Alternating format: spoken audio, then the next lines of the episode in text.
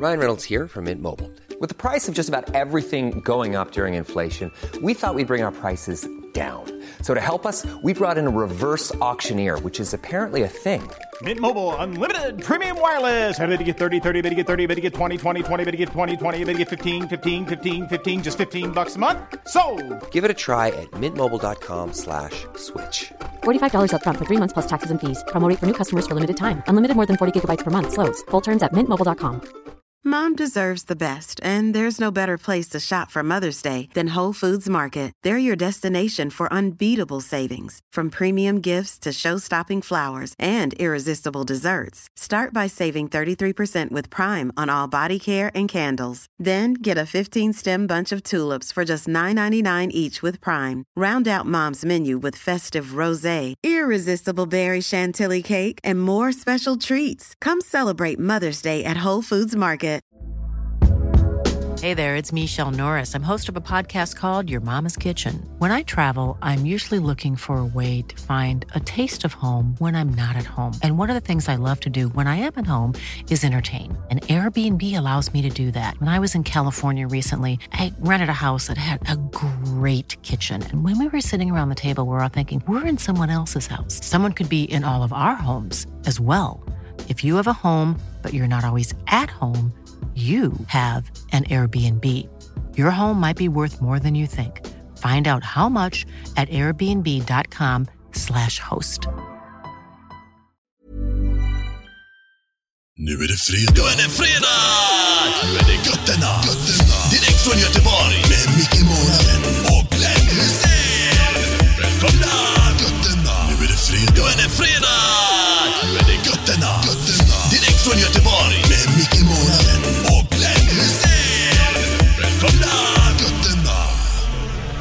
Tjena, det var Glenn här.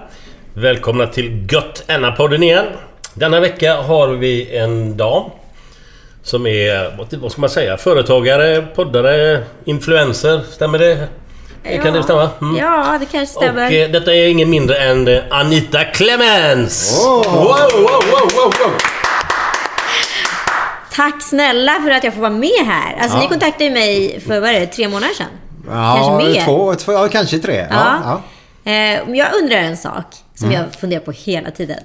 Varför jag? För att det finns bara en tjej på er lista som har varit gäst tidigare. ja, det finns faktiskt två. Är det så? Ja, två finns det. Ja. Det ena är Erika Johansson och så har vi... eh, Alexandra Sass. Lotta Engberg. Oj, varför tre då? Tre, är det? ja. Vilken var den tredje? Ja, Lotta Engberg och Al- Alexandra Sassi också. Ja, för fan. Tre! Tre. Ja. Så jag är fjärde tjejen. Yes. Hur många poddar har ni gjort? 87 gästen är du!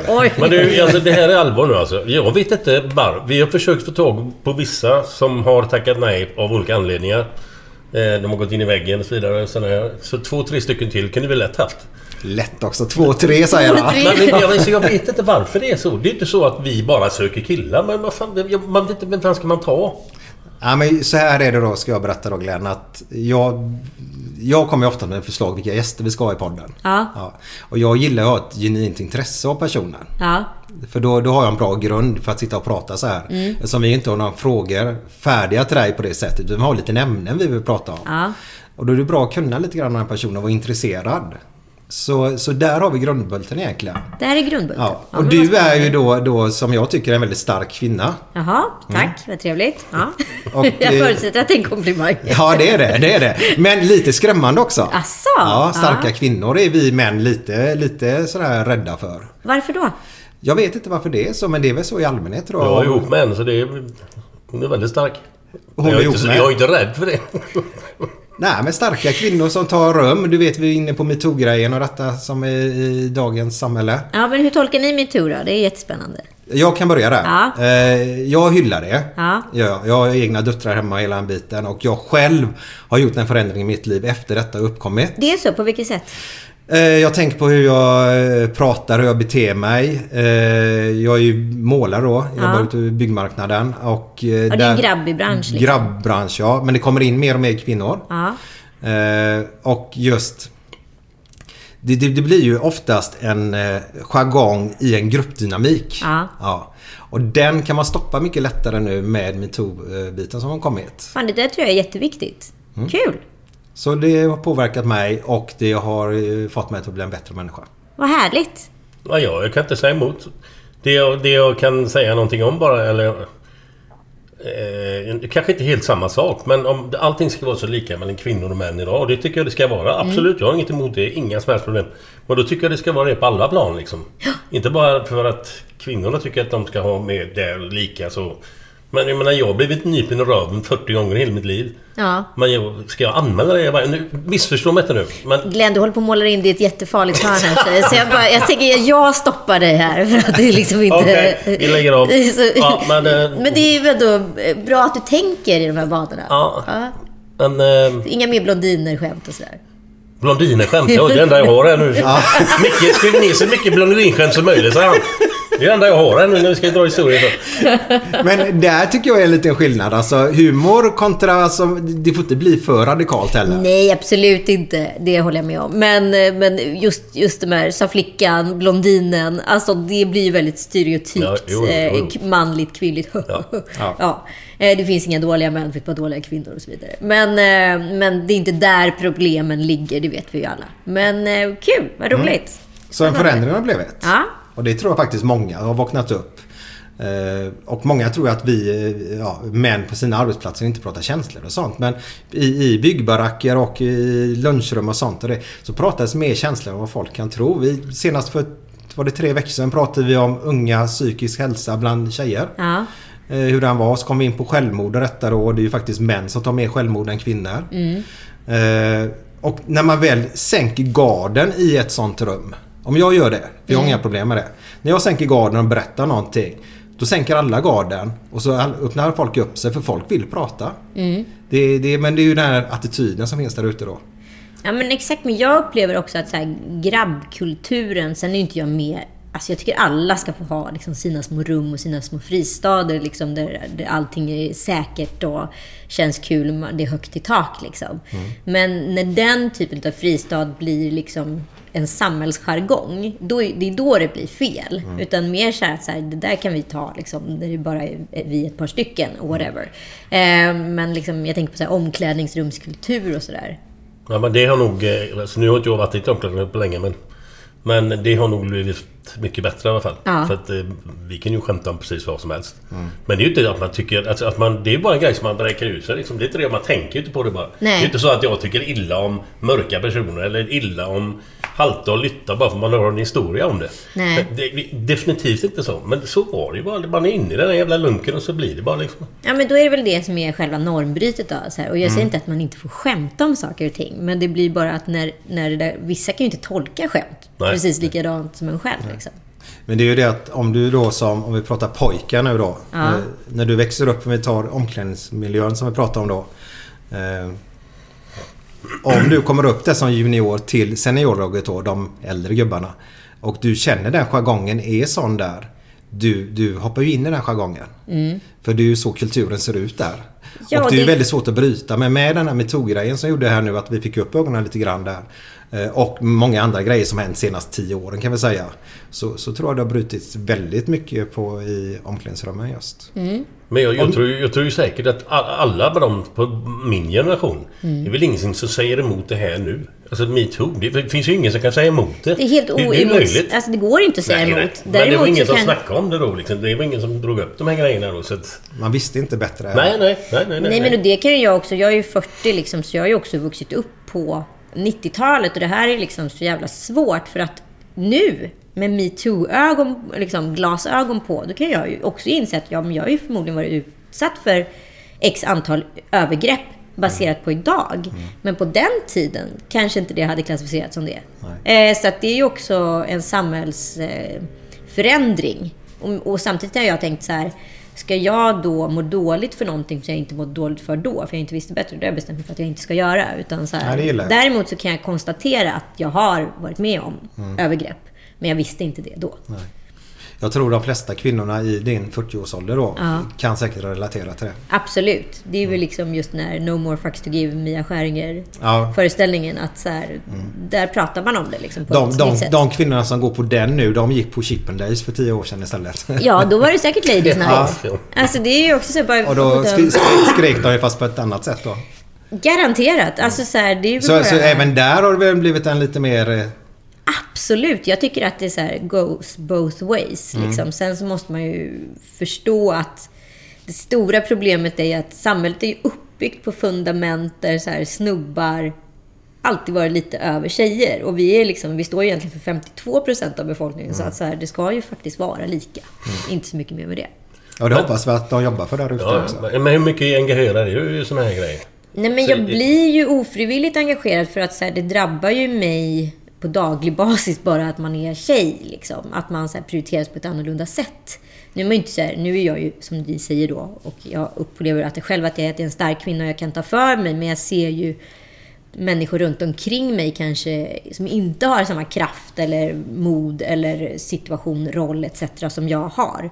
De, eh, de skulle ju aldrig våga sticka ut hakan i de här frågorna. De kommer ju bli nerpetade av en chef eller liksom mm eh, bli prioriterad på ett annat sätt. Just för egentligen bara att man är utav ett annat kön. Och det känns liksom inte okej.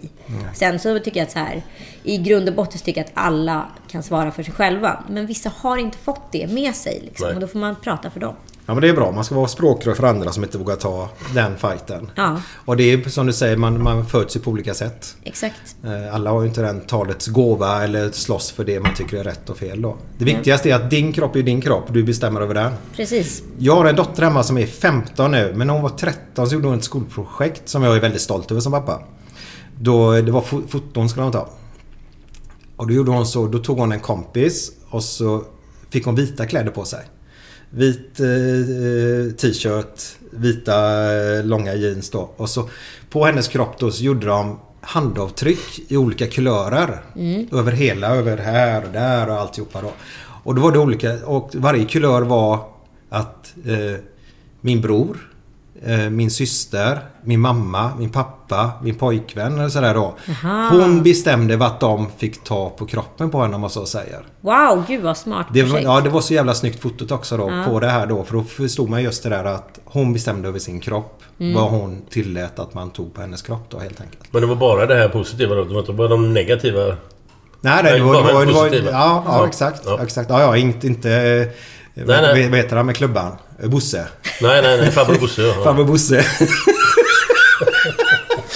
ja, men han är grym faktiskt. Jag tycker han är så rolig.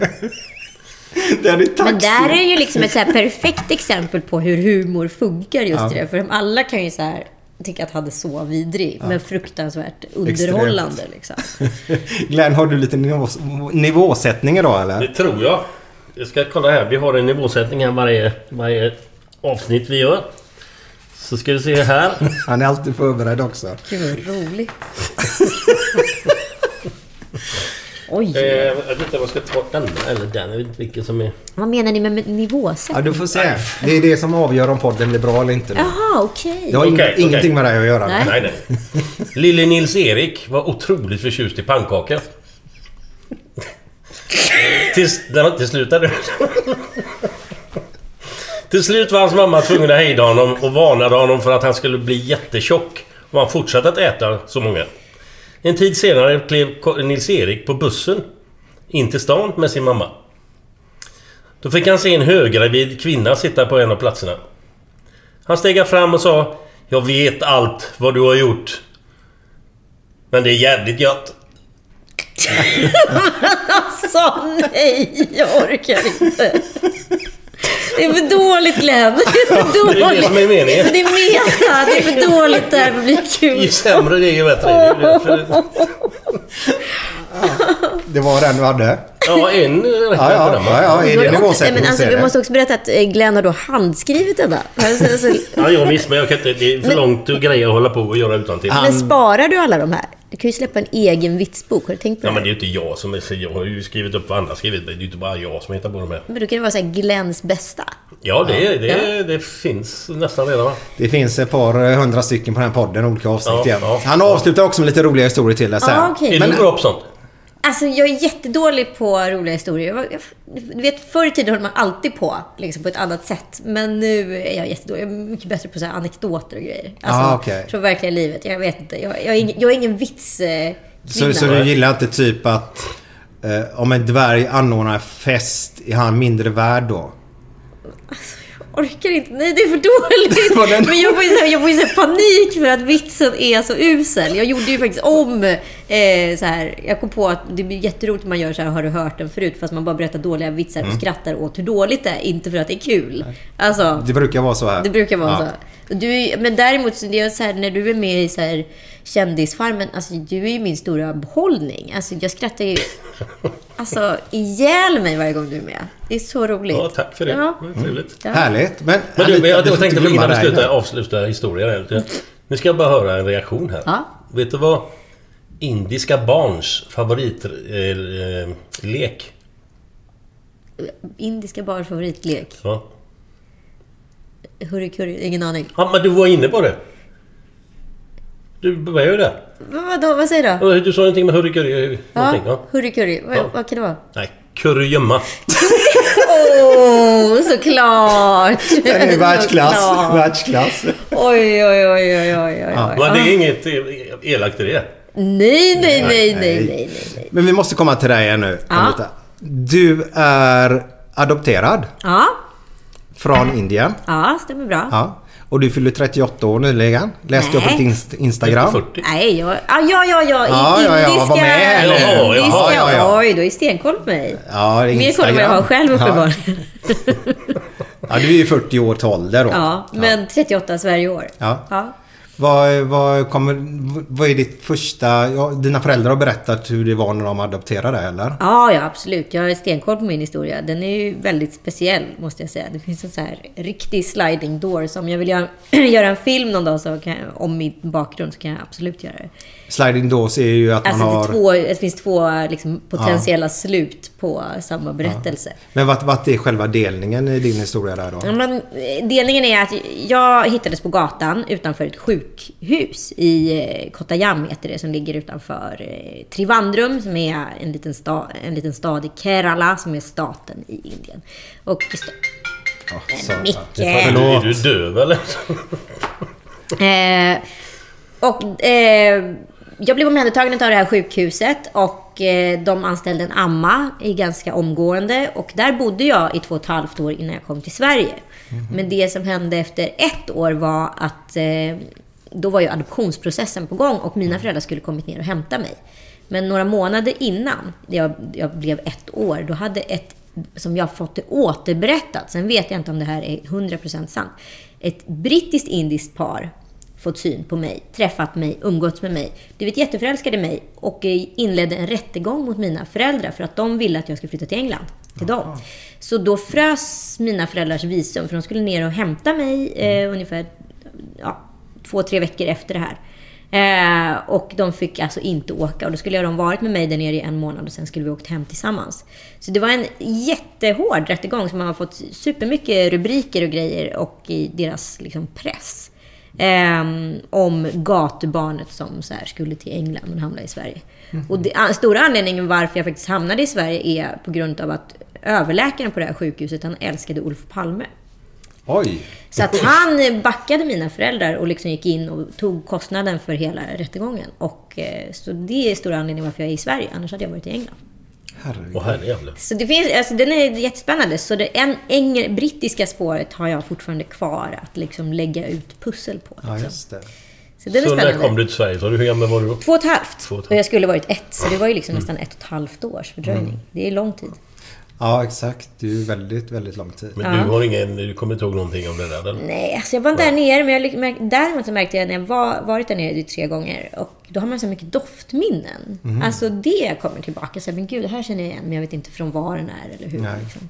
Det är ungefär lite när man hälsar på sin mormor och morfar. och Sånt där. Eller Ja. farmor för, för min del då. När jag var liten så kommer man ihåg en lukt därifrån med. Ja, Eh, En, en min, ja, det är ju det, det är minnet man har mest nästan. precis. Så att så här, det var jättesvårt att liksom, jag kommer inte ihåg några platser specifikt. Jag tror att jag kommer ihåg kanske en innergård. Liksom, så jag så här, det här har, här har jag varit förut, men det kan man ju också övertala sig själv om. Så att Ja. den vågar jag inte säga att jag så här, konkret har varit med om. Men eh, doftminnen definitivt. Men när du är där nere då? Är du nere på det stället? Förlåt, jag har ju stängt av ljudet. Är du nere på det stället där du...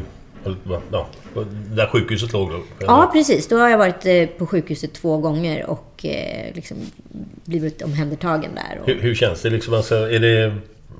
Första, Hur är standarden där idag om man säger så? Nej, den är, det är som att åka tillbaka till 70-talet idag. Och eh, för dem så är det väl jättemodernt. Jag vet inte. Men jag var där för åtta, nio år sedan sist. Eh, och det är liksom... Det är väldigt speciellt liksom. Eh, och ganska omvälvande.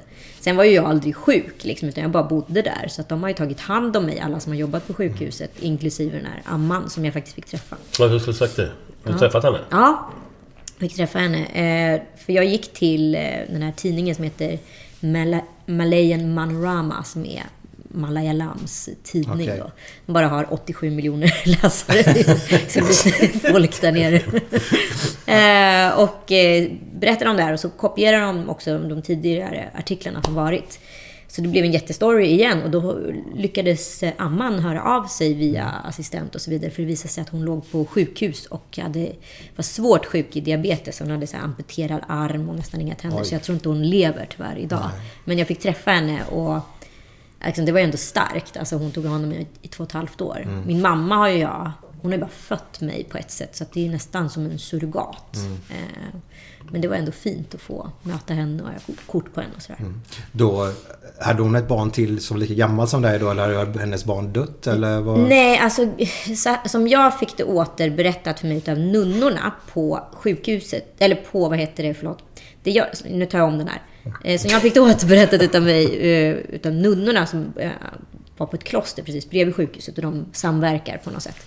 Eh, eh, Det var att hon, allting var planerat med dem. Så att det var de som förlöste mig och det var hennes bror som lämnade mig på trappen till sjukhuset.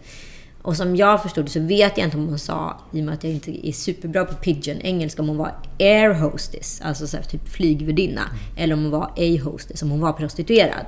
Vilket är en jättestor skillnad. Ja, hyfsat. Inte uttalar eller inte bokstavsmässigt. Det inte så mycket som skilde. Eh, och eh, hade fött mig innan äktenskap. Och där nere så är det liksom... Det är ju det värsta brottet du kan begå. Liksom. Det, Kerala är väldigt speciellt. Det är en extremt högutbildad stat. Alla är så här toppen i liksom Indien i utbildningsnivå. Men självmordsstatistiken är jättehög för det finns inte tillräckligt mycket jobb till alla. Och sen så är den självvalt kommunistisk. Så i hennes fall så var det bara att så här, hemlighålla mig för att överleva. Så att hon blev alltså gravid med mig innan äktenskap. Så att det var därför jag liksom smusslades undan. Ja, vad spännande. Ja, så det finns lite att gräva i om man är sugen. Ja. Är det något eh, du kommer att göra? Ja, det är det. Men det är liksom, jag märker att jag själv så skjuter på framtiden hela tiden. Och det är på ett sätt lite dumt för att man... Snart kommer ju alla liksom, vittnen etc. vara döda. Så några av de här nunnorna som var med var ju liksom 75 år då. Ja, och där nere kanske man inte blir så jättemycket äldre. Nej. Men eh, absolut. Samtidigt vill jag ta med mig barnen liksom, på det här. Eh, Mm. Och jag, jag är en fyraåring nu. Jag tycker att han ska bli sex i alla fall. För Ja, för annars så tar han så mycket eh, nytta av det egentligen. Nej, egentligen inte. Nej. Eh, David Batra, gjorde inte han... Var det Sveriges sämsta indier? Eller var det världens sämsta indier? Nej, eller? Sveriges sämsta indier. Sveriges sämsta Det indier, var ja. ett jätteroligt program. Och det är väldigt, så här, väldigt typiskt Indien. Alltså man slängs mellan såna här jättekonstiga... Jag tycker alla ska åka dit bara för att så här... Det är som att byta planet. Men jag är, jag är lite rädd för det landet. Ja. Om du förstår, för jag, jag har ju den mediabilden som man bara får härifrån. Man får ju inte den riktiga bilden. Nej, men man får inte glömma bort heller att det är ett land som är så extremt stort. Det bor liksom en miljard människor där.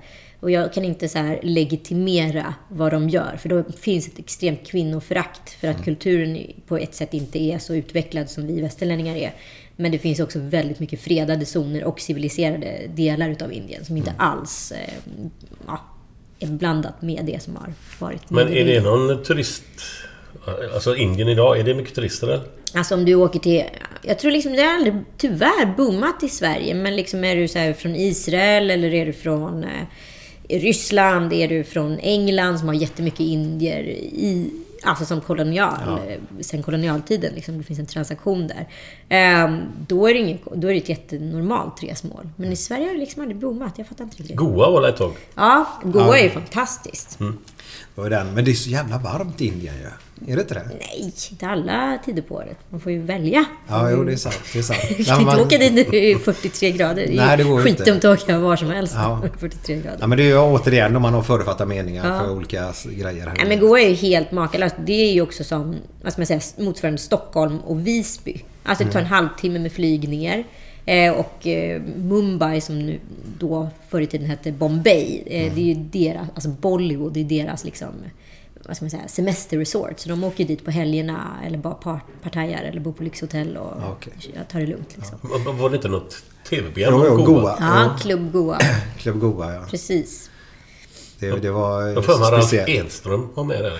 Det tror jag inte, men säg, säg, säger du det så är det säkert så. Alltså, jag känner inte igen det? men det kanske stämmer. Men det var många såna här gamla dokusåpa-deltagare. Ja, och sen så var det väl Nalle Knut som gjorde någon TV-show där också. Ja, just det ja. Ja. ja. Det var ju han med pälsen va? Precis. Det var väldigt roligt. Och sen var inte han Biffen med där också? Vem är det? Biffen, han är ja, lite, lite svullen kan jag väl säga att han är. Ja. Uh, han säger från Göteborg, ljudtekniker eller någonting. Ja, Eller just det. Just det. Det är också en gammal dokukaraktär. Ja, Ja, ja, ja. precis. Ja, det stämmer. Hette inte han Biff? Eller hette gör han inte, men han kallas väl va? Ja. Men... eh, ja, Indien i alla fall var vi inne på. Mm. Fan, nu tappar jag. Jag ska precis fråga en fråga om just det. Men jo, produktionen där. Ja. Som du pratade om, Goa där. Ja, Du har ju varit med och gjort massa produktioner. precis. Mm. Vilken är den bästa produktionen du varit med och gjort? Alltså, roligast var nog eh, Expedition Robinson. Har du varit med och gjort den? Ja. Eh, i- var där i nästan fyra månader. Vilket år var du med? Eh, var det här 2002? Kan det stämma? Vilka var det som var med då? Då var det ju Leif eh, Mm. från Vedevåg. Eh, och eh, gud... Det var han som var ute och vandrade så mycket va? Nej men Leif var ju han eh, jätteknasig med Sverigetröja och cowboy. Ja. Var han ute och vandrade? Ja, det kanske han var. Ja, de, du, ja skitsamma. Man Följer läser du bara tidningar. Ja, men han Leif. Var, var, var inte han kompis med han sen som var med i Idol? Som har gått ner så mycket kilo på, i Aftonbladet nu. Gud, eh, nu är det så rörigt här. Hänger inte med alls. Nej, inte med allt. Nej men det Ja, var men ett han- jättebra år. Ja. Det var ju så, så han... Han vägrade vara med sen för han blev ju parad ihop med hon eh, Robinson-Emma. Som är ihop med han hockeyspelaren nu. Eller Ja. gift. Och då hoppar han ju av Jag produktionen. hänger inte med alls. Jag vet ju vem du snackar med, med, Robinson Emma. Det måste varit Leif. Skitsamma. Kör på. Ja, en väldigt eh, unik person i alla fall. Eh, så tog lite Sverige med storm tror jag. Och sen så var det... Gud, det var ju så Kent. Var Ja, det Ja, just det. Ja. med skägget? Ja, eller? exakt. Det var ju ett så här superår verkligen. Mm. Så det var ju väldigt, väldigt eh, roligt att producera. Jag för mig att det var Jan Emanuel var med också, om han vann det året. Var det det året han vann? Ja, jag tror det. Så han blev eh, politiker med de pengarna va? Precis. Och sen så blev Sen- han eh, någonting annat. Sen blev han korrupt. Ja. sen blev han politiker igen. Och sen blev han ju rik. kan vi säga utan han, eh, lille- är inte han Biff? Ja, ja, han är väldigt Väldigt tränad. Ja, ja, ja. Jag har för mig att det var det året. Gud, jag är... Vem var programledare då? Eh, Det var Anders Lundin. Ja. Ja, det var 2002. För Harald var bara 90-talet ut tror jag. ja, ja. Men det slog ju igenom som en bomb. Det var det 97 eller någonting första året där. Ja, när Martin Melin var Ja, med. ja, ja, herregud. Jag, man satt ju verkligen och räknade timmarna nästan för att det skulle komma nästa avsnitt. Ja. För de gjorde alltid sån häftig cliffhanger på varje program också. Exakt. Vi hade ju inte varit med om den typen av produktioner i Nej. Sverige heller. Så det var ju så här... Alltså jag var ju... Vad gammal var jag? Jag var 24. Alltså drömjobb. Mm. Singel och 24 år. Och så var där nere i Malaysia i nästan fyra månader. Men ni fick väl bo lite bättre än vad de gjorde eller? Vi bodde lite bättre, men inte superbra. Men vi var väldigt många unga människor i produktionen. Så Mm. det var ju liksom som en stor liksom, partyö i, i fyra månader. Men ser man Kom inte hem med några pengar överhuvudtaget. Ja, det var så. är det dåligt betalt i produktionsbolag så? För att nu tänker jag att det är väldigt mycket unga människor som jobbar i produktionsbolag. Eller är det så tufft arbetsschema som man måste vara ung för att orka med det? Nej, men det, det, det hänger ihop. Alltså, det, dels tror jag att det är ganska dåligt betalt. Sen är ju allting projektanställningar eh, i princip. Så att du får ju inget fast jobb i... På, du får inte så här, det är väl inte så många som är fastjobbande idag överhuvudtaget. Men får inget fast jobb på ett produktionsbolag. Utan då får du tre månaders kontrakt eller så får du ett halvårskontrakt eller årskontrakt och så vidare.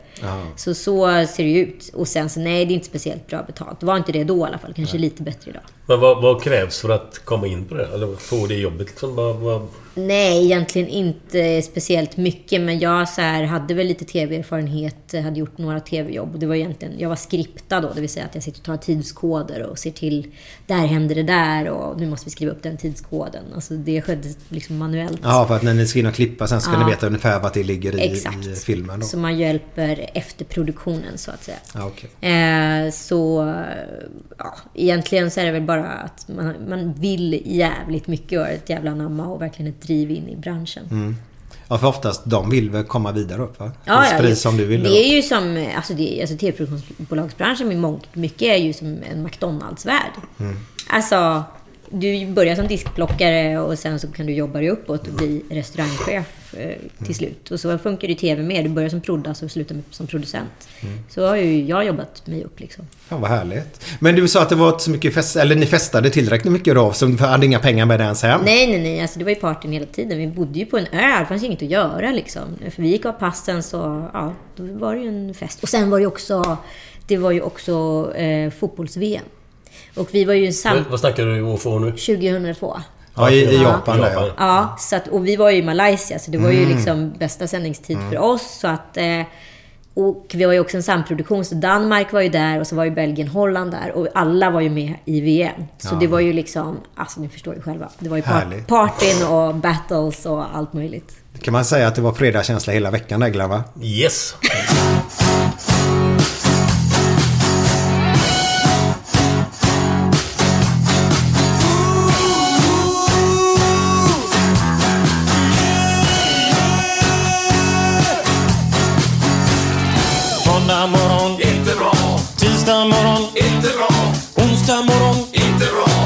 Torsdag morgon, det är inte bra, fredag morgon, lite bra, fredag lunch, mycket bra, fredag eftermiddag. Underbart! After work med karaoke. Man får en öl och pyttipanna. Fredag kväll och livet leker. Man kan inte säga annat än att jag har det gött nu!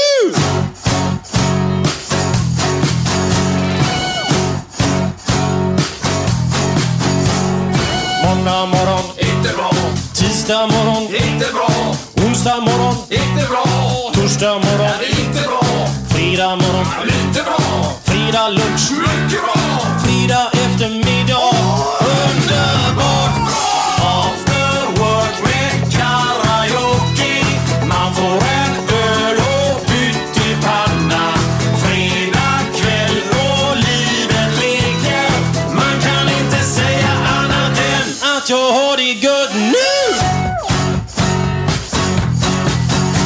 Ja, det här var den goa låten After Work med... Va? Kan du inte det? After Work, det är en världskänd låt. Vilken är det? Va? Skojar Ah, det här du? är skandal. Har det inte kommit utanför Göteborg Nej, låt det är inte sant. Vad Vad är det detta? här? Nej, är det här någon men- 70-talslåt eller? Nej. Om vi säger Björn Rosenström. Jaha. Då är det väl lite... Nej, vänta nu. Jag tror Jo, du bara kan en, är- en låt med honom bara kan du va? Ja, men eh, han är såhär trubadur, Ja. singer-songwriter. Ja. Men, åh gud, har han varit med i någonting? Nej, inte Inget tror Idol jag. eller något sånt där? Nej, Han har varit med nej, i nej. våran podd. Han har varit med i den Ja, exakt. Det var där han slog igenom. Sist nu skäms jag. Ber om ursäkt.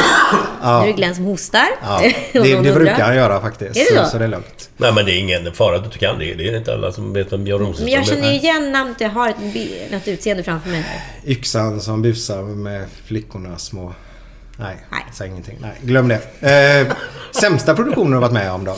Ja, det är väl Kungen av Tylösand. Ja, det är så. Ja, absolut. Ja, vi lämnar det där helt enkelt, eller? Nej, behöver inte göra. Men det var ju liksom... Det var ju total katastrof. Haveri Mm. från början till slut. Det finns inte så mycket mer att säga. Alltså, allt ifrån att personalen eh, liksom... Det var... Så här, det var många... Det var mycket som gick fel och mycket som vi själva absolut påverkade. Men det var mycket som också gick fel från setupen i Halmstad.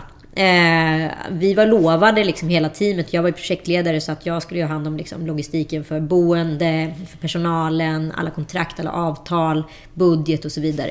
Eh, så vi var ju lovade x antal hotellrum på Hotell Tylösand och sen så, eh, ja, därefter skulle vi göra en produktion. Sen hade projektet sålts in som att det var ett gäng glada ungdomar som skulle ha sin bästa sommar i Sverige, i Tylösand. Och jag tror att hotellledningen trodde att det här var lite som, det fanns ett pro- produktion som hette typ Sandhamn, som var så här, gud, allt var så high five och, och pikétröjor härligt på Sandhamn. eh, men så var det ju inte. Och när de insåg att så här, de hade lite blivit lurade och förda bakom ljuset, då liksom drog de in alla hotellrum. Eh, och jag var insåld på det här projektet för att jag, vi skulle bli lovade en skön sommar i Tylösand och vi skulle få en villa vid havet. Det fanns aldrig någon villa liksom. Eh, så vi delade på en sån 90-säng i ett konferensrum och så flyttade vi i princip olika konferensrum varje kväll. Och ibland sov vi, sov vi liksom på en helt annan adress och någon gång sov vi faktiskt i en bil till och med. Så det var ju inte, var inte superlätt eh, liksom förutsättningar för att kunna jobba och göra ett bra jobb heller. Och teamet, eh, det enda jag fokuserade på var att liksom lösa boendesituationen för teamen som eh, var inackorderade lite överallt. Ja. Eh, och det var... eh, You should celebrate yourself every day, but some days you should celebrate with jewelry. Whether you want to commemorate an unforgettable moment or just bring some added sparkle to your collection, Blue Nile can offer you expert guidance and a wide assortment of jewelry of the highest quality at the best price. Go to BlueNile.com today and experience the ease and convenience of shopping Blue Nile, the original online jeweler since 1999. That's BlueNile.com. BlueNile.com. Hiring for your small business? If you're not looking for professionals on LinkedIn, you're looking in the wrong place. That's like looking for your car keys in a fish tank. LinkedIn helps you hire professionals you can't find anywhere else, even those who aren't actively searching for a new job but might be open to the perfect role. In a given month, over 70% of LinkedIn users don't even visit other leading job sites. So start looking in the right place. With LinkedIn, you can hire professionals like a professional. Post your free job on linkedin.com/people slash people today. Millions of people have lost weight with personalized plans from Noom, like Evan, who can't stand salads and still lost 50 pounds. Salads, generally, for most people, are the easy button, right? For me, that wasn't an option. I never really was a salad guy. That's just not who I am. But Noom worked for me. Get your personalized plan today at Noom.com. Real Noom user compensated to provide their story. In four weeks, the typical Noom user can expect to lose one to two pounds per week. Individual results may vary. fruktansvärt. Folk sa upp sig på löpande band och jag förstår absolut till 100% varför. Um ja, nej men det, det är liksom... Jag hade inte så mycket med själva liksom produktionen, produktionen att göra, men det verkade som att det gick en hel del snett där också. Gick det programmet i flera år eller var det bara ett år? Nej, det var bara den säsongen. Liksom. Eh, och det här var ju liksom baserat på egentligen ett koncept som fanns då internationellt som hette Jersey Shore som gick på då MTV. Eh, där egentligen man gjorde TV på ett helt nytt sätt. Att så här, deltagarna själva drev innehållet. Att det inte fanns liksom fasta moment som, en, som ett öråd exempelvis. Eller som en tävling eller utrustning. Utan här var det bara att Hej, vi hänger på er och så ser ni vad ni vill göra och så kan vi kasta in en bar i lotteriet och vi kan eh, kasta in liksom en tatueringsstudio. Vad gör ni när ni får det här? Ja, hur, använd, hur agerar ni på det här? Och I USA gick det ju hur många år som helst och nu tror jag till och med att det heter Gordy Shore finns det någonting. Um, men i Sverige funkar det inte alls. Nej. Det blev för galet. Det blir för galet för oss svenskar helt Ja. enkelt. Men de, det beror ju på vilka personer. För två personer har blivit eh, mediakända va? Ja, och det var väl egentligen de som också var så pass explicita kan man väl säga under inspelningen där så att det... Nu får vi vänta lite. Explicita. Ja, det men är över stack min ut, förmåga. stack Aha, ut liksom okej. och så här, tog Ja. plats. Yes. Alltså man, de hade ett, eh, ett, ett medialt kall, Mm. kan man säga så. Det finns ju sådana. Ja, men Samir Badran är ett Ja. superbra exempel från Paradise Vill Hotel. lyckas då, eller slå Ja. igenom helt enkelt. Det fin- han hittar en plattform för att nå ut. Man vet inte riktigt vad man vill nå ut med, men eh, det kommer lösa sig. Mm. Det vet man bara man får den där 15 minuterna utav berömmelse. Och vilka var det då? Det var Nemo Hedén och så var det Jocke... Vad heter Ja, nu heter han Joakim Lundell. Ja. Ja. det var ju de två som var liksom... Ja. Kärnfigurerna. Men vi släpper det. Det var ett skitprogram helt enkelt. Ja, det var ett, det var ett jävligt... Eh, jag tycker inte det var en 100% skitprodukt, men det blev inte bra för någon, varken deltagare eller personal. Och det känns som ett 100% misslyckande. Mm.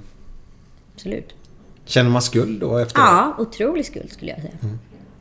Eh, det var inget kul. Nej. Man vill inte, och framförallt när man jobbar med unga människor så tycker jag i alla fall att man har någon form av ansvar. Men det, som omständigheterna såg ut eh, med boendesituation, vi var helt utmattade allihopa, så var man liksom... Man fokuserade bara på det man kunde lösa för stunden. Och så såg man inte helhetsperspektivet. Och hade någon bara kommit in och bara sagt vänta nu, vad fan är det som händer? Då hade man förmodligen hajat till. Mm. Men det kom aldrig någon sån. Men som sagt, jag tar fullt ansvar för att, eh, för att det inte var bra. Ja. Och då gör man en pudel helt enkelt. Ja. Svårare än så är det inte. Nej. Nej. Men det kan ju inte vara ditt fel. Men bara för du, det måste ju finnas någon över dig. Absolut. Men det var liksom... Ja, men som sagt, det var en väldigt situ- speciell situation och det liksom motarbetades extremt mycket liksom från Halmstad själva. Det var ingen som ville ha oss där. Liksom. Plus att så här, kanalen krävde en viss eh, typ av eh, program som vi försökte liksom leverera. Och här någonstans blev det ju liksom en clinch. Vilket år var detta? Kommer du ihåg Gud det? vad sjutton. Det här är alltså, måste vara 2010 tror jag. 2010. Ja. Ja, åtta år sedan. Känns så mycket mer längre tillbaka. Ja, verkligen. Men det har ju hänt. Alltså, jag tror liksom ingen... Det, det blev en sån här läx-produktion. Ja, det blev så det det. får inte hända. Det kommer Ja, det, det, hända det är igen. lite Lex Maria-variant då Ja. i produktionsvärlden där. Precis, precis. Vi gör en Tylösand-anmälan här. Men sen tror jag liksom, hade det programmet gjorts idag, baserat på vad som hände på Paradise Hotel och att samhället ser helt annorlunda ut. Idag kan du ha en fullt gången karriär Mm. om du är med i Paradise Hotel. Det, det gick ju inte på den tiden. Då var man, om man var med i en dokusåpa, då fick du inga jobb. Alltså riktiga jobb. För det- Du var tvungen att gå en viss typ av säkerhetsavstånd innan du kunde bli, bli rekryterad igen. För hade du stuckit ut i en dokusåpa, det var något negativt. Mm. Idag är det något positivt. Idag är det Samir Badran bra. Ja, det är språng, Ja. språngbräda idag mot vad det var innan. Ja, precis. Men vi är tillbaka till dig här nu. Eh, adoptera, kommit till Sverige. Vilken stad kom du till då? Då kom jag till eh, Örebro. Örebro! Örebro! Oh. Ja, eller utanför Örebro till och med. Så där bodde jag fram till jag var 10. Sen flyttade vi till Kullavik utanför Göteborg. Åh! härliga Kullavik! Härliga Kullavik. Ja, lite, lite. Där, där dricker man ingen bärs inte! Vad dricker man där då? Vin! Champagne, prosecco och vin. Men det är roligt för alla som är så här från Hovås, de säger sig så här, Hej jag heter Anita, jag är från Hovås. Eller så säger man så här, Hej jag heter Anita, jag är från Kullavik. Ja. Ja. så där eh, det var liksom att kasta sig in i något helt annat. Det var ju som att flytta från liksom Bonnavischan Ja. till liksom Alltså vitaste Lidingö. Alltså det var väldigt, Mm. väldigt speciellt. Varför, varför, varför pratar de så på Lidingö? för? Ni vet ju var det är ifrån. Nej, berätta. Skojar ni? Nej, då hade vi inte frågat. Finns Nej, men alltså de Lidingöborna hade alltså sommarhus på Åstol. Jaha, nu är jag ju med. Ja, så då kom de de fick då på iandet med somrarna sig. de här i göteborgska i. Ja. Eh, och så, så applicerade de på, på stockholmskan och då blev det Lidingö. Och då blev det väldigt, väldigt, väldigt så här. Det, Väldigt det, här, Fan, det det här är ju ett scoop ju. Du, det är därför... Fan! Jag tänkte på det. När jag var med på det här FCZ. Så tänkte jag på... Jag hade en kille som hette Tor Ja. Kullgren. Ja, han är från Lidingö. Han är Ja. från Lidingö. Ja. Han pratar ju så här också. Ja. Tänkte, vad fan, är du dum i huvudet eller? Tänkte jag då. Men nu när du säger det. Fan, nu, nu kopplar Nu jag... kopplar. Nu Det, kopplar vad tog, det. hur många år tog det? 8, 10, Ja, 10 vad år? Det är ju sju år sedan. Nej men så det är därför. Alltså, och det här är ju jättelänge sedan. Alltså Ja. flera, eller flera, i alla fall hundra år sedan. Åstol är ju, passar ju till Lidingö så sätt det men de också. pratar ju så ja. Ja. Och där- Marstrand, Årstol. Ja. Mm. Vad härligt. Vilken lektion vi fick oss här nu då. Nej, så där. Jag visste inte att det kom, skulle Kommer komma du ihåg hit vem som vi hade i podden som eh, hade... Ja, det vet jag. Ja. Janne Josefsson har vi Yes. haft i den här podden Yes. då. På tal om att ha haft lite udda figurer då. Ja, ja, ja. Han hade ju ett hus där ute. Ja, han har ju alltid... Ja, ja, ja, gud. Och jag har målat busskuran där ute fast golvet skulle ha, de ska ha fyrkanter där. De har jag målat. Har du gjort det? Ja, de kom ut en båt där vet du. Ja, det precis. heter ju inte busskur då. Det heter båtkur. Båtkur. Busskur. Busskur. Nej, men han rökte alltid... Jag spelade in... ehm, ehm, nu kan man prata om det. Jag spelade in Studio Virtanen för TV8 i många år. På Oj. Marstrand där du alltid gästade också. Så jag har ju träffat... Alltid gjorde jag, ska jag inte säga. Men Nej. jag var med i det programmet. en Ja, du var med två gånger tror jag. Satt på ett lastbilsflak eller Ja, ja, men då var jag ju i produktionen där. Ja. Eh, Så jag, vi har ju träffats flera gånger, fast kommer inte du ihåg. Men du träffas mycket människor. Ja, ja, alltså, det är inte för att vara elak men... eh, Nej. nej. det är lugnt. Det är lugnt. Men då vad heter det, bjöd alltid Janne Josefsson in till Mm. en eh, drink. Åh, vad härligt Ja. det låter. Jag fick aldrig följa med dem. Fick du inte? Nej, fick visst inte. Skojar Det var en du? grabbargrej. Nej, men de var ute och rökte fisk och höll på. Ja, men det är typ, det är därifrån eh, upproret kom tror jag. Vadå? Metoo-upproret började Ja, ja. Men det är, nej, det är fint där ute är det. Åh gud. Ja. Ja, så är det. Men det är fint. Kullavik i alla fall var? Kullavik var vi. Och Ja. sen så, för mina föräldrar öppnade en eh, verksamhet där, alltså inom eh, hantverksindustrin. De eh, hade en kakelbutik och så pappa hade en entreprenad kopplad till den. Och sen så i Särmotet låg den. Ja. Och sen så bestämde... De gjorde den tillsammans med en, ett, en affär inne i Göteborg som heter Interkaker, eller Ah. byggentreprenör. Så att då bestämdes det att den skulle flytta vidare till Strömstad. Så Mm. då flyttade liksom... Ja, jag var ju bara 10 år, så vi flyttade med. Så att jag växte upp i Strömstad eh, mellan 11 och 17. Och sen flyttade mina... kom byggkraschen där runt Ja, just. 92, tror jag. Stämmer. Ja, så då överlevde faktiskt inte eh, verksamheten. Så då flyttade min mamma hem till Örebro och började på bank. Och pappa flyttade till Tyskland. Eh, De separerar inte utan de var fortfarande tillsammans. Ja, men de till- jobb. Ja, och, och Ja. för att liksom, Ja. överleva i princip. Liksom.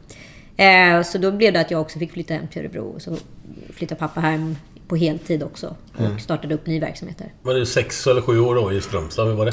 Eh, ja, sex år. Alltså egentligen de här roligaste uppväxtåren mellan 11 och, eh, 11 och 17. Då man formas. Ja, exakt. Men hur var, var det... Var det, Nej, men jag- var det gött där? Jag älskade det. Ja, bra. vi hade så fruktansvärt roligt. Vi var liksom som en så här... Det är speciellt. Jag vet inte. Jag, vet- vad, vad, du är ju från centrala Göteborg. Ja, Hisingen. Ja. Ja. Och du är från... Ja, Frölunda. Ja. Men när man är på en så här som, man bor året runt på en så här sommarstad. Så liksom... Det blir en väldigt, väldigt... Eller turistort kanske man ska säga. Det, jag kan Mm. tänka att det är likadant uppe i Åre. Det blir en väldigt speciell, liksom, liten skyddad bubbla. Och sen så är det som att man så här tar in hela liksom, världen på sommaren och man lever för den. Och sen så bara är man sitt lilla järngäng Mm. igen. Alltså vi hade väldigt, väldigt kul. Jag har, en jag har så goda minnen från Strömstad. Har du kvar några vänner därifrån? Absolut, och det är jättemånga som har flyttat upp till Stockholm. Eh, så att vi ses Vad är det eh, för lite fel på dem? random. Vad sa du? Vad är det för fel på dem? Det är inget fel på dem, men alltså, jag är ju inte... Ja, men de har flyttat hit. Det är väl jobb, antar jag. Nu, har ju, nu har ju Strömstad blivit så otroligt norsk.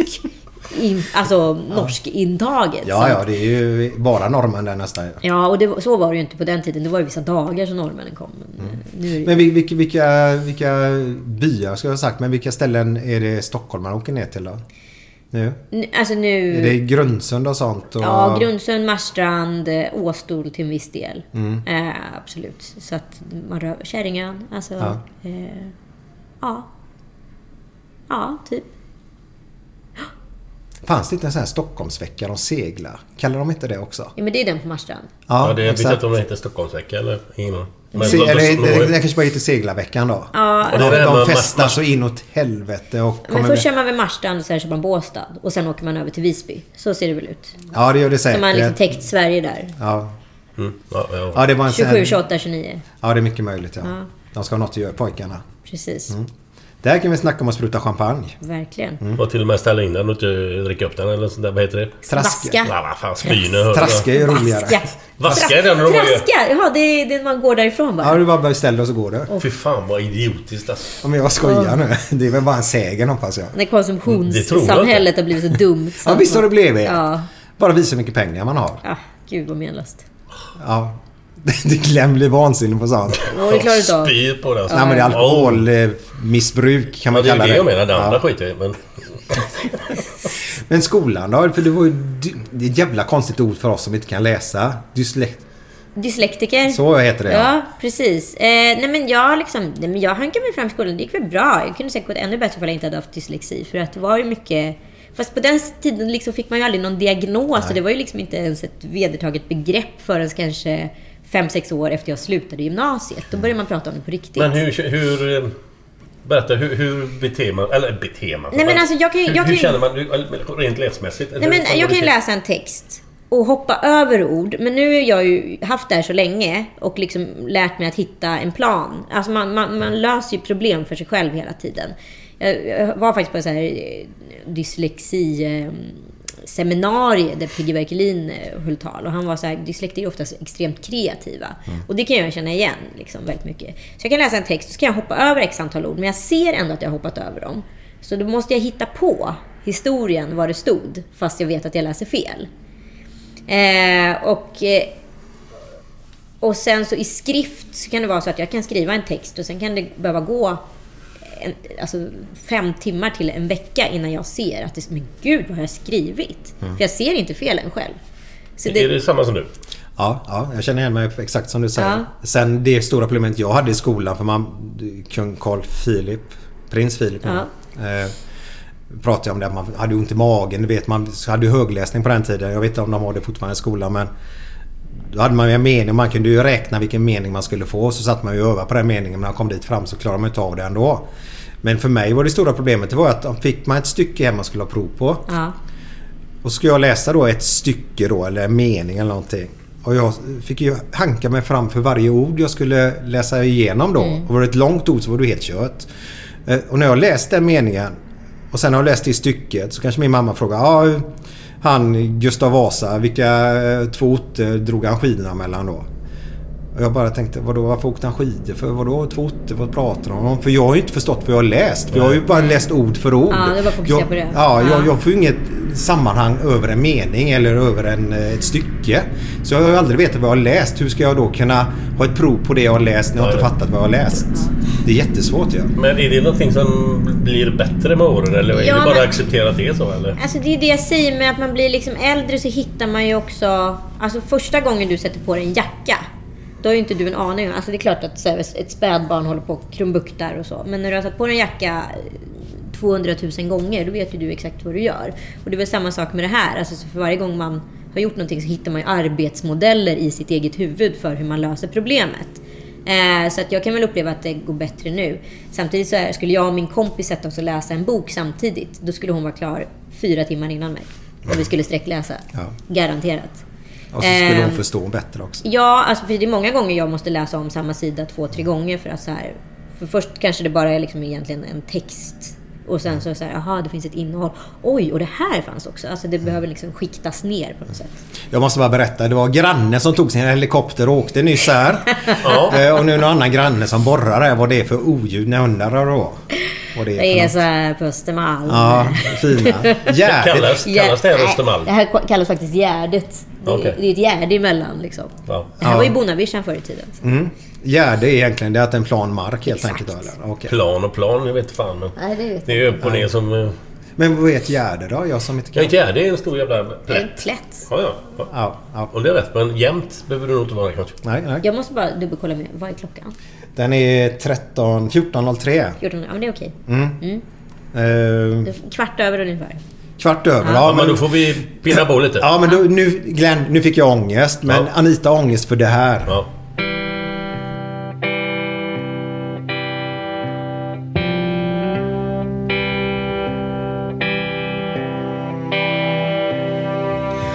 Fem på morgonen i New York City går en man i en sliten gammal hatt. Sveper rocken kring den tunna kroppen, huttrar till. Det har varit kallt i natt. Ser en strumpa sticker ut ifrån hans sko. Vandrar vidare men utan framtidstro. Fem på morgonen i Hallonbergen står en kvinna med gråten i sin hals. Tittar håglöst in i morgonsolen. Hon är trött, hon har inte sovit alls. Två av fem miljarder människor på vårt klot. Men mot deras ångest finns det ingen bot. För de är ledsna för att de inte är från Göteborg. De kan inte se hur Gustav Adolf pekar på sitt torg. Det är inget fel på att vara etiop. Men inte riktigt rätt ändå, det vet de allihop.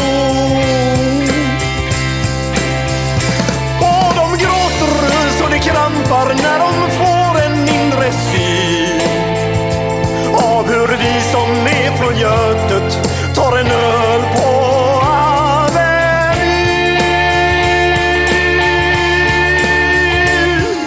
En fotbollskille får sitt genombrott och snackar proffskontrakt med fem italienska klubbar. Ändå känner han att tåget har gått. En annan gubbe med en ollontusing och en latextjuva skriker ta mig ur röven gubbar. Men det ger honom inte nåt. Samma tomma blick och tårar salta smak.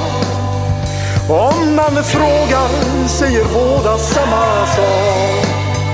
De är ledsna för att de inte är från Göteborg. Buss torg. Det är inget fel på att vara från Mölndalsbro. Men 14 stopp med fyran svider mer än man kan tro. Och de gråter så det krampar när de får en mindre syn. Har vi vi som är från Götet? Har vi vi som är från Götet? Ja, där hade vi den. Eh, Jävlar anamma med eh, De är ledsna. Skön låt. Härligt. Och jag fick ju ångest här nu, men det berodde på någonting helt Ja, annat. Anita vet inte om hon har fått ångest för att hon har hört den här låten, men... Eh, Nej, men hon är ju nästan från Göteborg. Kullavik där på Kullavik gång. Ligger och nosar Ja, och ämnar och snubblar in på dig Glenn varje gång. Då, då måste jag nu när du pratar så, så måste jag bara ta en historia. Det är ingen historia. Vet du vad dressingen säger när man öppnar kylskåpsdörren?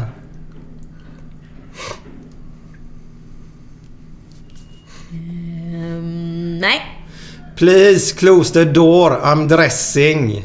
Åh nej men det är för dåligt! Ja, det är så Åh, dåligt. det är så dåligt! Det är så dåligt! Åh herregud, Det vad var är det väl som bra. Har ni händer? skrattat åt mig förut? Det var nog det sämsta jag har hört i mitt liv. Du är helt tyst för en gångs skull. Du är till och med arg. Vad heter kvinnan som alltid har peruk då? Som alltid har peruk. Ja, Alltid har peruk. Hedvig. Hedvig, ja, ja, klart. Den var dålig. Ja. Nej, men den var ju rätt fyndig Det faktiskt. var ju fyndig. Ja. Ja. Du är nykär. Kan man säga. Ja, det kan man säga. Fan, Alltså, nu vad har vi snart varit ihop i två år, men ja. Ja. Ni bor ihop eller? Ja, vi bor ihop, Ja, precis. Han bor hos mig. Han får flytta in till Han dig. fick flytta. Nej, vi bor ihop. Eh, ja. Vad härligt. Ja, det är så Och det bästa med det lilla jag har hört så är han ju fotbollsintresserad. Extremt Då är ju fotbollsintresserad. extremt intelligent också. Väldigt intelligent kille. Det är väldigt nytt för mig. Jag har liksom aldrig varit... Jag, Jag har aldrig varit ihop med en intelligent kille. Nej, jag har aldrig varit ihop med någon intelligent kille. Jag har aldrig varit ihop med en kille som är så sportintresserad. Nej, Det är ju härligt. liksom extremt mycket fotboll, det är väldigt mycket FIFA och sen är det hockey.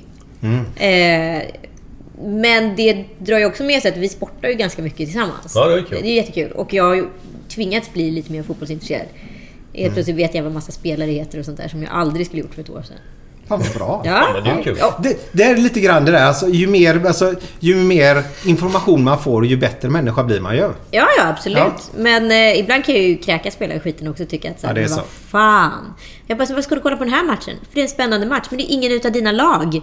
Nej, spelar det någon roll? Det, det är tydligen helt oväsentligt. Det Är är det så? Ja, ja, jag menar, ja, Camilla, min sambo, hon, är, ju- hon vet ju ingenting. Jag har Nej. försökt förklara offside för henne nu i tre år. Ja, det- inte in. Jag tror jag har... Nej, jag ska, inte, jag ska inte säga att jag har koll på det här, för då kommer ni bara ställa massa frågor som jag inte klarar av att svara på. Men du, vad gör du nu eh, dagligen när man säger? Vad, vad har du på på dagarna? Ja, men vad gör jag nu dagligen? Ja, jag jobbar väl mest med mina poddar och nu kommer de bli tre till antalet. Så att, Kan du berätta vilka de är? Eh, ja, jag har en podd med Ann Söderlund som heter Lille Lördag, som är vår liksom, största podd. Mm. Eh, och sen så har jag en ny podd tillsammans med Ann Söderlund och Manne Forsberg och eh, Nisse Edvall. Och eh, som kommer heta Kvartsamtalet. Där vi ska vara liksom en duopodd, kan man Mm. säga. Eh, eller ja, kvartett. Eh, och sen så kommer vi ha en, eller så har vi en crime-podd som heter Lille Lördag Crime som kommer nu flyttas till Podme och heta Partners in Crime. Så det är Johan Söderlund som har den också. Älskar crime. Ja, men jag har faktiskt inte lyssnat på det, just en crime. Nej, Där. den är jättebra. Den tycker jag man ska lyssna på. Ja. Ja, Vad är Och se- grundförutsättningar? Crime förstår ju vad det är. ja men vi pratar ganska mycket om så här... Alltså, egentligen tog vi spjärn i att så här, eh, kvinnomord, kvinnobrott, alltså att det sker så otroligt mycket våld mot kvinnor och liksom även kvinnliga mördare är ju extremt eh, kittlande. Liksom. Så att, så här, det finns väl ett kvinnofokus, men det är en crime-podd, så kan man väl säga. Eh, och sen så håller jag på att skriva, eller jag har skrivit en tv-serie som eh, vi nu sitter i förproduktion med. Men mer än så kan jag inte säga. Nej, spännande. Mm, så det gör jag. Och sen så håller jag på att utveckla en app mot eh, äldreomsorgen som vi nu håller på att testar oss fram med. Så nu har vi gjort en eh, prototyp som det heter, så nu testar vi den. Har du någon hobby eller vad gör du på fritiden? Du vill ha roligt eller slappna av eller vad, vad, vad är Gud, alltså när jag är ledig då vill jag ligga och löka och mata bra serier på liksom Netflix eller Viaplay och bara så här umgås med vänner, gå ut och äta. Jag tycker det är skitkul att gå på konserter. Eh, och shower och eh, då och då händer det väl att det slinker in någon teater också. Alltså jag är väl ganska så här in, bio, i den kulturella sfären liksom. Där hittar väl jag kraft, eller vad man ska säga. Och sen så tycker jag, älskar jag att hänga med ungarna och göra grejer med dem. Liksom. Ja. Hur gamla var de sa du? Eh, jag har inte sagt det, men nu ska jag berätta det. De är sju och ett Du kommer in på halvt, göteborgska helt plötsligt. sju och ett halvt och eh, fyra och ett halvt. Ja, då är du full rulle där alltså. Ja, ja, verkligen. Absolut. Är de med, i någon idrott eller någonting? Eller, eller någon Penny spelar fotboll, Djurgården. Ja. ja. Eh, Djurgården. Djurgården. Ja, ja, det kan vara värre. Det, det är närmst, det är närmst bara logistiken som får avgöra. Ja men det, jag gillar det. Ja. det. Det gillar jag. Man ska spela där man bor. Ja, det blir Ja. bara konstigt. Skulle jag så här, ja, hennes pappa är AIK, men skulle jag så här, åka med henne till Solna varje dag, skulle inte bli, eller varje Nej. gång ska jag Nej, träna, nej, då kommer inte nej, bli nej. av liksom. Tröttnar man till slut. Ja, Dödar man själva intresset. Precis, och det är viktigast att det får Mm. leva. Men är du en sån mamma som är... Eh, gör vad ni vill-barnen om man säger så att de får testa på allt eller sådär eller vad? Både och, för jag testade... Alltså vi har varit liksom... Fan, det är första gången i livet man är förälder. Det är klart man är bättre på att vara förälder till barn två vad man kanske var i början till barn ett och så vidare. Men då får man ju prova sig fram och så vidare. Men just i hennes fall så har vi testat så här, vad vill du göra? Och så säger hon så här, jag vill rida. Ja, och så går vi och rider och så kostar det hur mycket pengar som helst. Så köper man så här utrustning och sen så bara efter fyra gånger så bara, nej. Så den här gången bestämde jag faktiskt att hon skulle spela fotboll. För att Härligt. jag tror att så här, det är bra för tjejer, dels att så här, ha en lagsport och liksom testa på den typen av situation. För tjejer är så jävla mycket individsport hela tiden, individuell. Eh, och tennis tänkte jag tag också, för att det är bra att lära sig med misslyckanden och sånt där, men det är nog lite för tidigt. Ja, då får hon nog lära sig tennis ja. Ja, Det Sen är, är du bra betalt om de blir något. ja exakt. Men eh, jag tror att så här, fotbollen är det som har funkat bäst. Och då var ju jag faktiskt med i leken och bestämde, så att det kanske är så man får tänka. ja, vi gillar det. Vi Ja. gillar det. Mer, Ja, mer fotbollstjejer. Ja. En ny Pia Sundhage kanske? Ja, kanske det. Det behövs faktiskt. Ja. Mer Pia Sundhage där ute. Det finns ju så många bra tjejer nu så. Ja, men de är riktigt bra. Mm. Men de har varit bra faktiskt. Svenska landslaget i, i fotboll där slutet på 80-talet och 90-talet var de riktigt bra också. Ja, ja men det är kul. Vad var det hon hette som var så duktig på huvudet? Jane... Törnqvist. Så hette hon ja. Hon var grym på huvudet. Vad menar ni då? Vad sa du? Ja, Nick, Nicke alltså. Jaha, Nicke. Ja, ja, grym, bra på, på huvudet. grym på huvudet. Bara, va? Vad är detta? Nu är det för mycket lingo för mig. Ja. Men du ska springa iväg här snart. Du är fullbokad. Hur, hur hinner du... Alltså, jag följer ju dig Ja. genom våran Instagram som är Gott Anna Glenn då. Ja. Följer vi dig på Instagram och... Alltså, Hur kom ni fram till namnet? ja men Gott, gott Anna. Glenn. Götterna. Gött Anna är det ju. Ja, och Glenn. Och Glenn var det också då. Ja. Det var enklast så. Alltså det var... Gött denna är ju att må bra. Man mår Ja, bra. ja. Götterna gött. Glenn. Götterna Glenn. Ja, det är själva det Instagrammet då. Eh, Men götten är ju att nu har jag det faktiskt så bra som man kan ha det. Ja, ja. Det är götten. Ja, bra. Eh, Men hur hinner du med allting? För du, för du, du är ute och flyger och far väldigt mycket. Alltså, nej, men det är mycket tillställningar. Du själv hade ju en show här nu i fredags bland annat. Tre poddar och... eh, Jag är extremt duktig på att vara... Eh, att liksom göra timetable, vad heter det? Att så här, schemaboka.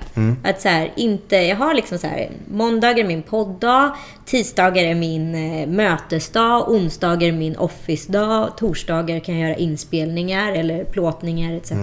Och så fredagar är det bara admin och blogg och liksom, eh, göra ut inlägg om det nu är betalda samarbeten. Så att så här, jag har liksom mallat upp det och allting funkar ju om man har en tydlig struktur. Har man inte struktur, då funkar ingenting. Så är det ju. Men du Liksom. stressar inte så man går in i någon jävla vägg och så? Nej, men jag tycker också, det är väl så här, om man nu får prata om några fördelar med att liksom vara separerad, så tycker jag så här, varannan vecka-livet funkar i min situation ganska bra. För jag kan växla upp jättemycket på de veckorna när jag inte har barn. Och sen på de veckorna jag har barn, då vet jag att så här, klockan fyra slutar dagen. Eh, du är inte med med det. Och sen så kan jag lägga ungarna och sen kan jag köra på en, två timmar till. En, två, tre dagar i veckan. Alla dagar orkar man ju inte liksom. Men sen så, jag har inte så jättemycket sömnbehov eller Jag sover typ sex timmar på natt. Det räcker. Ja, det räcker. Ja, Ja, ja. eller hur? Ja, ja. Får man vara nöjd om man får sex timmar nästan. Ja, men vissa håller på att dö ifall de inte får åtta timmar. Den har jag liksom aldrig haft. Åtta timmar. Är inte det en sån där gammal klassisk? att Man ska sova åtta timmar. Det är alla fan Vem fan gör det? Vem fan gör det? Man, man kan väl säga så här att från, ja, barn är ju väldigt viktigt att de får sova mycket. Ja, för, för det är det är ju en utveckling av kroppen och hjärnan och alltihopa då. Eh, Men vi vuxna, sex timmar räcker gott och väl. Ja, eller hur? Eh, Och tycker du inte det så får du bita ihop lite grann. Ja, man göra. ja, ja. Ja, Då exakt. brukar jag faktiskt fråga så har du, har du ont i tänderna? Nej, bit ihop då säger jag. kan de inte klaga. Är du glad? nu vänta! Nu! Har du hört den här då? Tänderna på tork. Det är det du har nu. Alltså, tänderna på torr? Tänderna på tork. det gillar du va? Nu blir man mobbad också för man skrattar. Ja, jag får ta det. Eh, Jag brukar le. Eh, Ja, det har hon nog upplevt, ja. Tänderna på torr, det har jag aldrig hört innan faktiskt. Ja. Men den kommer inte från... TPT. Tänderna på. Aha, ja, okej. Men varför säger man så? Nej, ingen aning. Jag lärde mig det när jag bodde i Strömstad. Och någon sa Fan vad du har tänderna på törk hela tiden. Jag bara, "Ja, har jag? Vadå är det? Det är att du skrattar. Det är väl förmodligen något positivt. Det Ja, ja. Fast det är en negation. Man måste så här, trycka det lite. Ja, exakt. Kommer inte tro att du är något Nej, eller? precis. trycker vi ner lilla gumman då också. Ja, lilla gumman. Härskarteknik, är du bra på det? Alltså det är ju jävligt svårt att svara på. Ja, förmodligen kan jag använda det. Eh, bara man, jag tycker så här att härskarteknik är godkänt bara man gör det på rätt sätt. Eh, man får liksom inte så här bli, köra personangrepp och sådana saker. Men kan jag göra det utifrån att jag får en fördel i någon situation som är trängd? Absolut, varför inte? Det är bra. Ja, men sen får man ju liksom, det är ju alltså all, all typ av makt kommer med ett ansvar och säga jag vill vara en schysst person. Jag har inte så många fiender. Ju mer makt man har, ju snällare ska man vara. Exakt, så är det ju. Men du, häng kvar här nu där ute. För eh, Glenn kom ju efter den här låten vi vill spela till dig. Ja, Eh, Du var inne på dina föräldrar där som, som har blivit sjuka nu då och eh, du håller på att skapa en app till det. Eh, Att ensamhet och sina nära och kära ska man vara rädd om. Eh, Och ett litet, litet samtal till en vän, kompis, familj eller vad det än är kan betyda mer än vad folk tror. Så här kommer en låt som man kanske tänker på det i framtiden.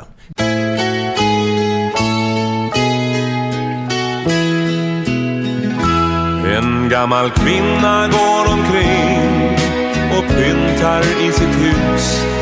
Idag är det hennes stora dag. Hon har köpt kaffe, bröd och tårta som smyckats med små ljus och en likör av bästa slag. Och när hon lägger på en duk den finaste hon har så ringer det på hennes telefon. Hon blir glad och lyfter luren och hör rösten på en karl hennes allra yngste son. Jaså, säger du det? Du kan inte komma från Du tog fel på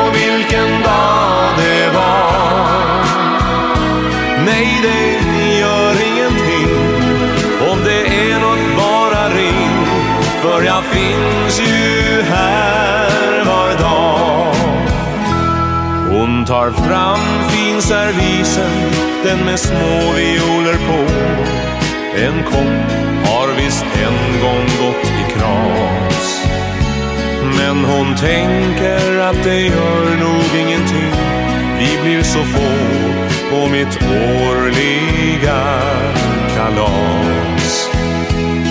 Och när kaffet kokar upp så ringer telefon hon glömmer allt och springer därifrån och på ett ögonblick hon mister något av sin illusion när hon hör sin äldste son.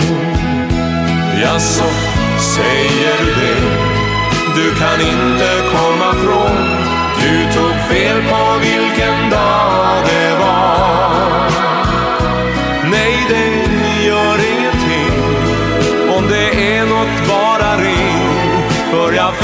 finns ju här var dag.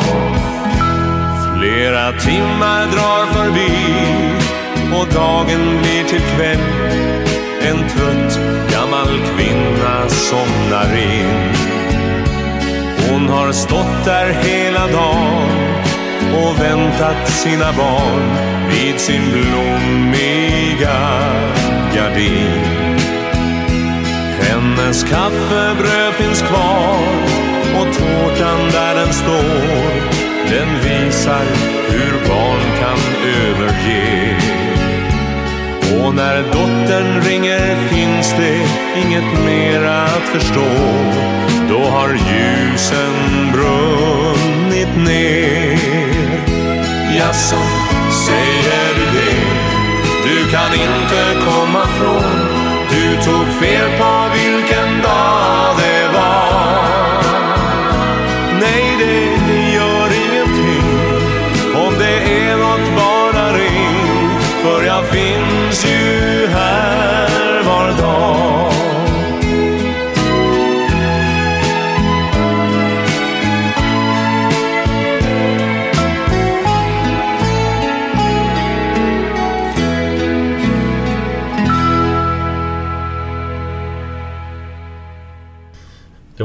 Lastbilschaufför som var ute och körde en lång, långresa hade han.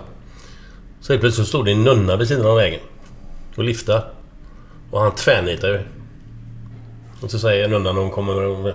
Skulle jag kunna få åka med en bit eller? Ja för fan säger han chaffisen där. Men eh, jag ska ha det i natura. Ja, jo, det är inga problem, sa nunnan. Så han trycker på nunnan där bakifrån. Och så när de är klara så går det ett par mil. Och så, så, så ska han gärna få igång en konversation igen och lastbilschaffisen. Så han liksom frågar "Vad- vad, vad är du på väg och vad ska du göra för någonting? Nej, jag heter Roland och jag ska på maskerad. Orkar inte. Orkar Men det var ju inte. bra. Hej då Roland. Hej, hej, hej, då, Roland.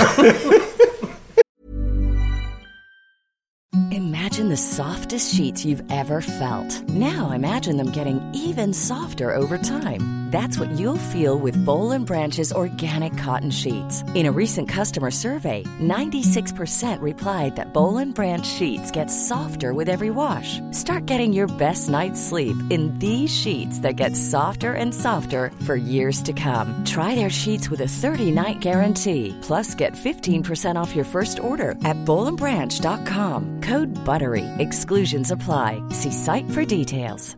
Hey, it's Paige DeSorbo from Giggly Squad. High quality fashion without the price tag. Say hello to Quince.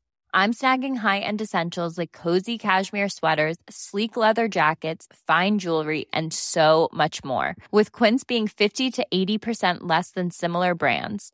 And they partner with factories that prioritize safe, ethical, and responsible manufacturing. I love that. Luxury quality within reach. Go to quince.com slash style to get free shipping and 365 day returns on your next order. Quince.com slash style. Mom deserves the best, and there's no better place to shop for Mother's Day than Whole Foods Market. They're your destination for unbeatable savings, from premium gifts to show-stopping flowers and irresistible desserts. Start by saving 33% with Prime on all body care and candles. Then get a 15-stem bunch of tulips for just $9.99 each with Prime. Round out Mom's menu with festive rosé, irresistible berry chantilly cake, and more special treats. Come celebrate Mother's Day at Whole Foods Market.